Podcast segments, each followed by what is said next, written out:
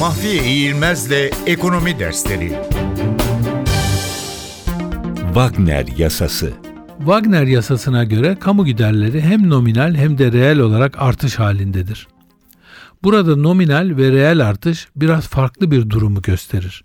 Eğer kamu giderleri arttığı halde kamu hizmetlerinde bir artış yoksa bu artış nominal artıştır. Eğer kamu giderleri kamu hizmetleriyle birlikte artıyorsa o zaman reel bir artıştan söz edilebilir.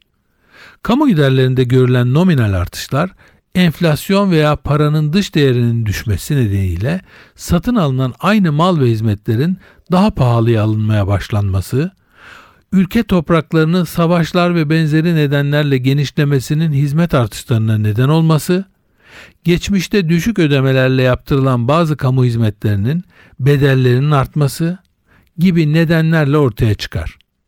Kamu giderlerinde görülen reel artışlar ise devletin eğitim, sağlık gibi alanlarda daha kaliteli, daha kapsamlı hizmet sunması, teknolojideki değişmelerin yarattığı altyapı değişikliklerinin adapte edilmesi, savunma gücünün arttırılması için yeni silahlar, teçhizat alınması, nüfus artışına uyumlu olarak devlet hizmetinin yaygınlaştırılması gibi nedenlerle ortaya çıkar.